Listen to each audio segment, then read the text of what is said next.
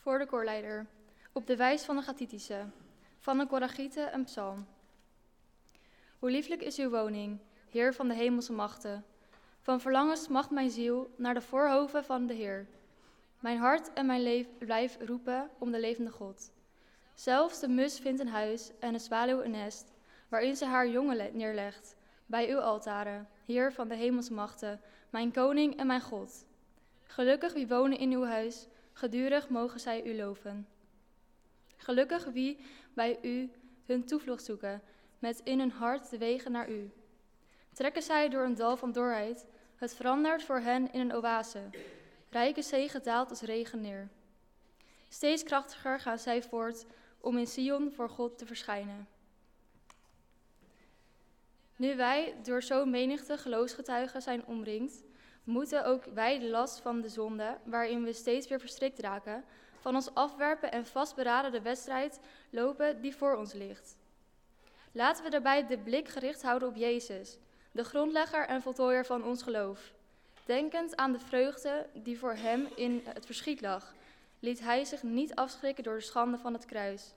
Hij hield stand en nam plaats aan de rechterzijde van de troon van God. Dit is het woord van God. Het thema van deze dienst is volhouden, het kan. Dat naar aanleiding van Hebreeën 12, de eerste twee versen. Volhouden, het kan. Na de verkondiging zingen we ook dat lied van Houd vol. Michael, Marije, Nathan, Lucie, Annelie en Niels. Jullie die straks antwoord geven op de vraag of je de Heer Jezus wilt volgen. Familie, vrienden van jullie. Mensen die met ons meekijken, meeluisteren. Gemeente. Een van onze vroegere buren, die liep vaak een marathon mee. Zoals die jaarlijks in Amsterdam, Rotterdam, allerlei steden van de wereld worden gehouden. En ik vroeg hem een keer waarom hij dat toch deed. Want eerste kun je sowieso niet worden. Dan moet je wel heel erg goed zijn. Waarom doe je dat toch? Om je uit de na te lopen. Hij zei, dat is voor mij ook geen wedstrijd. Voor mij is dat een levensles. Je bent namelijk helemaal aangewezen op jezelf. En dat betekent strijd. Strijd met jezelf. Tegen je vermoeidheid, je pijn. De verleiding om het halverwege dan toch maar op te geven. En te denken bij jezelf, waar ben ik toch mee bezig? Ik ben toch niet gek? En dan moet je tegen jezelf zeggen, volhouden. Je kunt het. Doorgaan. Hoe dan ook. Zo is het met alle atleten. Die gaan ervoor. Willen allemaal winnen. Daar hebben ze alles voor opgegeven. Zich heel veel dingen voor ontzegd. En dan nog wil het niet zeggen dat je bereikt waar je zo hard voor hebt getraind, dag en nacht. Ik denk aan de beroemde Derek Redmond, misschien wel eens van gehoord. De Brit die op de Olympische Spelen de 400 meter liep. De Olympische Spelen in Barcelona 92, dus het is al meer dan 30 jaar geleden.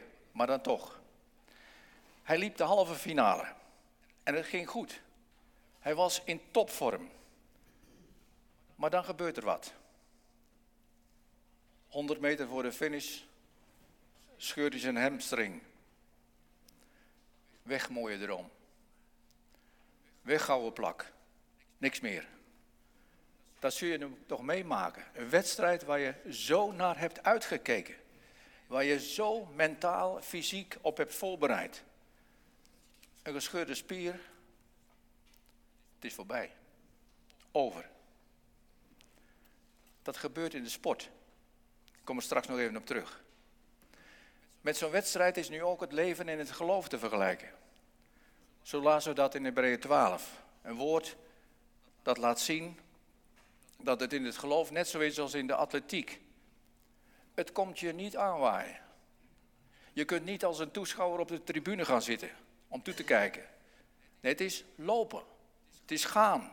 Soms met harde tegenwind, met hindernissen, over bergen, door diepe dalen heen. Maar dat is het. Beleiden doen van het geloof, hier in de kerk, zoals jullie dat doen, dat is één. Maar dan het vervolg. Leven in het geloof. Dat gaat waar rempel niet vanzelf. In Hebreeën 11, hoofdstuk daaraan voorafgaande, worden de namen genoemd van hen die als geloofsgetuigen op de publieke tribune zitten. Henoch, Abraham, Mozes, David, Johannes, Petrus, Paulus, Augustinus, Calvijn, Luther, Major Bossart, noem ze maar op. Ook die vrome, oprecht vrome moeder of oma. Of die vader in Noord-Korea die om zijn geloof vermoord werd. Of die gelovige jongen die al vroeg, veel te vroeg, overleden is. Ze liepen de wedloop van het geloof. Met alle strijd en lijden die dat met zich meebracht. Maar ze hielden vol. Ze hielden vol. En waarom? Omdat ze maar één doel voor ogen hadden. Namelijk met Jezus te zijn in hun leven. Bij Jezus te zijn na het leven. Te delen in de glorie van God, in zijn koninkrijk en heerlijkheid. En is dat ook niet de moeite waard om voor te gaan? Niet voor een gouden plak hier op aarde, maar voor de erekroon van God. En dat is dan ook de oproep van morgen aan jullie hier vooraan, aan ons allemaal en met u die met ons verbonden zijn. Volhouden. Niet terugvallen. Laten wij, nu we door, zo'n, door zoveel geloofsgetuigen worden omringd, zo lazen we, vastberaden de wedstrijd lopen die voor ons ligt. Volhouden dus. Niet en nooit opgeven, hoe de omstandigheden ook zijn. Maar ja, dat kan ik hier wel makkelijk zeggen vanaf die kansel. Dat is natuurlijk makkelijker gezegd dan gedaan. Want na verloop van tijd kan het enthousiasme best een beetje tanen. Het moment dat je beleidnis deed, dat je zo enthousiast was, het kan wat minder worden. De twijfel kan je zomaar overvallen van is het nou allemaal wel waar wat ik geloof? Ben ik niet bezig om de meest grote vergissing te maken van mijn leven? Zo was het ook met die christenen toen. Niet toevallig worden ze aangespoord om vol te houden. Had natuurlijk zijn reden. En dit waren gelovigen in die tijd die enorm veel te lijden hadden. Onder vervolging, zoals zoveel vandaag christenen, miljoenen wereldwijd, die met vervolging te maken hebben. Maar ze waren er doorheen gekomen. Ze waren er zelfs sterker uitgekomen. Maar wat gebeurt er dan als de druk er een beetje af is en je kunt wat, wat vrijer, wat ruimer ademhalen? Dan dreigt er namelijk een ander gevaar en dat is te verslappen in het geloof. Om weer terug te vallen in de patronen van deze wereld. En te vergeten dat het om een wedstrijd gaat, een wedloop. Zoals ze toen. Ze zijn moe geworden, uitgeblust, zwak. Ze hebben hun motivatie verloren. En ze komen nauwelijks een stap verder. Misschien, bedacht ik zo, misschien wisten ze het allemaal al. Zaten ze elke zondag zoals wij, elke zondag in de kerk, zongen ze hun liedjes en zo, luisterden naar de preek. Maar was er tegelijkertijd door de week de zuigkracht van deze wereld? was die zuigkracht hen te sterk geworden. Gingen ze eraan ten onder bijna. Dat is een groter gevaar dan vervolging. Als je vervolgd wordt, dan weet je waarvoor je vervolgd wordt. Maar als er die niet is, hebben we daar in onze westerse wereld niet mee te maken. Zo kunnen er allerlei oorzaken zijn waardoor je in die wedloop achterop raakt. Omdat de weg die voor je ligt misschien wel veel te zwaar is voor je gevoel. Door teleurstelling, door zorg die je meemaakt, door pijn van binnen, van alles wat je is overkomen. Er kunnen momenten zijn of komen waarbij je denkt van, waar is God nou toch? En als die, als die vragen in je opkomen, dan houd je automatisch de pas in. En dreig je achterop te raken. Kun je zelfs tot stilstand komen. Lam gelegd als je wordt door onzekerheid. Nou, als atleet kun je dat natuurlijk al niet hebben, maar ook niet in het geloof. En dan krabbel je weer een beetje overeind. Het gaat weer wat, maar het is meer voortslepen dan verder gaan. Laat staan dat je nog in de wedstrijd zit. En zeker vandaag, dat zullen we herkennen denk ik, is dat niet zo eenvoudig. Want volhouden, een blijvende passie houden voor een bepaald doel, dat is niet meer zo in. Doorstromen is het modewoord. Langere tijd ergens voor gaan, dat is iets van vroeger. Toen deden mensen dat nog. Toen kwam het nog voor dat mensen wel 40 jaar bij eenzelfde bedrijf werkten, bijvoorbeeld. Waar vind je die levenslange toewijding nog in onze maatschappij? Dat is de cultuur waarin we leven.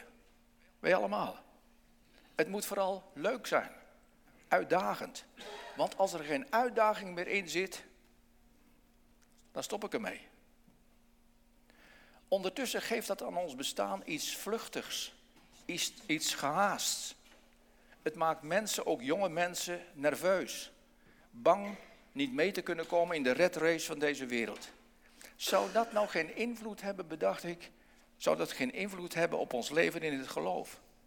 Nou, reken maar, want wij leven, wij ademen in deze cultuur. Jullie ook.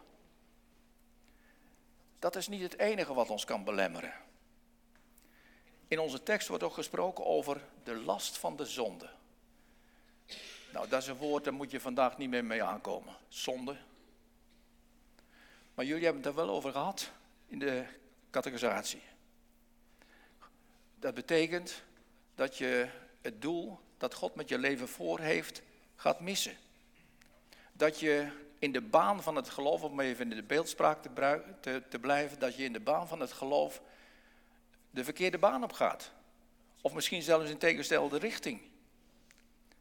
De zonde, dat is een macht die je voorspiegelt dat het leven zonder God veel aantrekkelijker is dan met God. En waarom zou je nou toch moeilijk doen als het ook makkelijk kan? Een jonge vrouw zei een keer tegen mij: Ik voel me, nu ik niet meer naar de kerk ga, nu ik niet meer geloof, voel ik me veel beter. Voel ik me veel meer mezelf. Beter in de kerk, makkelijker. Nou ja, daar zullen we het allemaal wel over eens zijn. Leven in het geloof is ook niet makkelijk. Ik kwam bij een stel mensen op bezoek. Die maakten echt van alles mee. Ziekte, zorg over hun kinderen, kleinkinderen, noem maar op. En met tranen in hun ogen vroegen ze mij: Wat hebben wij toch verkeerd gedaan? Wij geloven in God. Wij zijn meelevend met de gemeente. We begrijpen er helemaal niks meer van.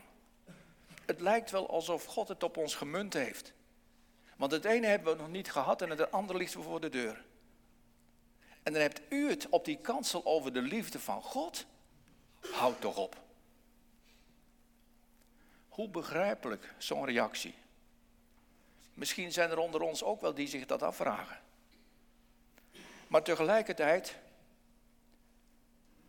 het is heel riskant, zo'n gedachte, zo'n reactie, want je kunt het er vervolgens bij laten zitten. En die andere macht de kans geven om een voet tussen de deur van je hart te krijgen. Erop uit als die is, altijd om een wicht te drijven tussen jou en God. Erop uit als die is om je tot stilstand te brengen, je lam te leggen. Hoe onbegrijpelijk Gods weg met ons kan zijn, de Heer die gebruikt die weg om ons te laten en te leren volhouden, ondanks alles. Denk aan sporters zoals een Maarten van der Weijden, die de triathlon Elfsteden-tocht volbracht. Elfsteden triathlon, zoals het heet. Een paar honderd kilometer zwemmen, wandelen, fietsen. Ongelooflijk sporters met een lichamelijke beperking. Zoals de rolstoelbasketballers, van wie ik las dat ze vorige week wereldkampioen zijn geworden. Wat een doorzettingsvermogen hebben deze mensen. Wat een volharding. Door alle pijn en tegenslag en teleurstelling heen. Ik denk ook aan Paulus. Met zijn doorn in het vlees. Een beperking, fysiek of mentaal, ik weet het niet. Wat het ook geweest mag zijn. Heeft hij het erbij laten zitten? Dat heeft hij niet. Hij werd, ondanks zijn beperking, er alleen maar sterker van. Sterker in zijn vertrouwen op God. Hij hield vol, zodat hij later kan zeggen: Ik heb de goede strijd gestreden, mijn wedloop volbracht en het geloof behouden. En als je zegt: Ja, maar wacht even, daar is mijn geloof te klein voor. Mijn twijfel te veelvuldig. Mijn toewijding aan de Heer te weinig. Als dat die reactie is, dan herken ik me daar helemaal in. Het is ook een onmogelijke opgave vanuit onszelf. Niemand die het echt permanent volhoudt om voor God te gaan, altijd. Niemand die de wedloop van geloof en het dienen van God levenslang volhoudt. En toch, en toch, weet je hoe het kan? Dan kom ik even terug op Derek Redmond. De atleet die zijn hamstring, hamstring scheurde. Hoe liep, dat, hoe liep dat af? En dan is hij de allerlaatste. Hij haalt de finish. Dankzij zijn vader. Zo iemand noemt ook de apostel. Want als hij ons oproept om de wedloop van het geloof te lopen, met alles wat je daarin tegen kunt komen, dan zegt hij, laat daarbij je oog gericht zijn op Jezus. De leidsman en voltooier van ons geloof. Hier valt dus de naam van Jezus. En terecht, want hij staat er garant voor dat het mogelijk is om vol te houden. Niemand minder dan hij. Want hij heeft tot het bittere einde toe de wedloop gelopen. De meeste coaches die zijn zeer bedreven in de sport waarin zij coachen. Die hebben ze zelf beoefend, zijn erin ver gekomen. Wat zou je denken van Jezus? Hij heeft zelf de wedloop gelopen. En hoe? Zie hem gaan. Verwond. Bebloed. Afgemat. Hij kan haast niet meer. En dat is niet zo vreemd, want met het zwaar gewicht van onze zon op zijn rug gaat hij die heuvel op. De zwaarste bergetappe ooit. In de etappes van deze tijd in de Tour zijn er vele bergetappes, heb ik begrepen. Maar hoe hoog zo'n bergetappe ook is, geen hoger dan Jezus ging. En er was geen vader die hem ondersteunde.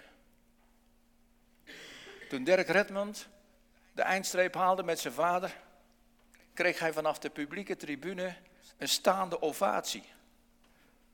Toen Jezus zich voortsleepte met het kruis op zijn rug, werd hij uitgefloten, bespuwd, gehoond. Dat noemt zich overwinnaar. Dat noemt zich Messias. Jezus gaat door. Hij houdt vol. En voor wie? Voor jou. Voor u, voor mij. Zelfs als hij verlaten wordt door zijn vader. Door zijn vader. Verlaten. Geeft dit nog niet op, maar loopt hij de wedloop uit tot hij alles heeft volbracht en het uitroept. Vader, toch vader, in uw handen beveel ik mijn geest. Maar hij gaat niet roemloos ten onder. Integendeel, na drie dagen staat hij op en overwint hij alsnog. En daarom zit hij nu als overwinnaar aan de rechterhand van zijn vader. Heeft de vader hem de naam boven alle naam gegeven? Is hij de eerste geworden van alle lopers voor hem en na hem? Daarom is het mogelijk geworden voor ieder die in hem gelooft, voor jullie, voor ons, om ook die wedloop te lopen. Hij heeft de kop genomen in de wielersport de knecht genoemd. Hij heeft de weg gebaand. Dat hoeven wij niet meer te doen. En daarom is ons volhouden geen onmogelijke opgave. Als wij ons maar blijven focussen op Jezus. Hij is de grondlegger, de beginner van het geloof. En wie is er anders, jullie hebben het er ook getuigd, wie is er anders begonnen met jullie dan hij? Hij is ook de leidsman, lazen we. De coach, die ons aanmoedigt als we de moed laten zakken willen stoppen. Dan zegt hij, houd vol, houd vol. Moed houden, ga door, nog even. En je zult, ja nu al, nu al, maar ook dan mogen delen in mijn triomf. En als je soms struikelt en valt er gebeurt, omdat je oog niet altijd op Jezus hebt gericht, dan lig je voordat je het weet. Hij heeft het al lang gezien. En dan komt erbij en hij tilt je op. En hij zet je weer recht op je voeten. En als er diepe dalen komen van wat dan ook, is Jezus daar. Om jou doorheen te halen. Zoals een echte coach doet. En zo is hij ook de voltooier van het geloof. Net als die vader van Derek Redmond. Hij draagt je naar de eindstreep. De volkomen overwinning. Want zoals hij aan het begin staat van je geloof, onderweg bij je is, zo staat hij ook aan, de, aan het eind, aan de finish, om je in zijn armen te sluiten. Zoals een echte coach dat ook doet, als degene die die getraind heeft, de finish heeft bereikt. Zo is Jezus alles in ons geloof. Als wij bijvoorbeeld onze handen niet meer gevouwen kunnen krijgen om te bidden, bidt Hij voor ons. En als ons geloof te wensen overlaat zo klein is, dat misschien wel helemaal weg is een keer, gelooft Hij zelfs voor ons. Want Hij is ook de voltooier van ons geloof. En zo coacht Hij ons naar de eindstreep. Zullen we daarom niet onze blik permanent richten op Jezus? En alles achterwege laten wat ons in die wedloop hinderen kan? Je hebt toch nog nooit een atleet gezien in een dikke jas aan of met zware schoenen aan zijn voeten? Van je afwerpen, zegt de apostel. Van je afwerpen. Alle gevoelens van minderwaardigheid, jaloezie, bitterheid, negativiteit, arrogantie, zucht naar meer, noem maar op. Zonde, zegt hij. Zonde is dat. Weg ermee. Het vreet energie. Het haalt je uit de wedstrijd. Alleen zien op Jezus. Hij is onze leidsman. Hij is erbij. Voor ons, naast ons, om ons heen. En niet alleen Hij. Wie nog meer dan? Wij. Zijn gemeente. Er staat, laten wij, meerwoud, ons oog gericht houden op Jezus. Hardlopen is een heel individuele sport. Je kan er ook maar eentje winnen. En het gaat erom dat je al, al de anderen achter je laat. Zo is het niet met de wedloop van het geloof. Dan gaat het erom dat wij allemaal de eindstreep halen. En daarom nemen we elkaar mee. Trekken we de anderen erbij die wat achterop dreigt te raken. Pakken we elkaar bij de hand. Bidden we voor elkaar. Om samen in de overwinning te delen. Nu al, in dit leven. Maar zeker straks. Geen gouden plak. Geen zilveren of bronzen. Maar de erekroon. Het onvergankelijke leven bij God. In zijn glorie. In zijn troon. En is dat niet het mooiste wat je ontvangen kunt? Daarom Houd vol. Jullie, houd vol. Wij allemaal. U, houd vol. Amen.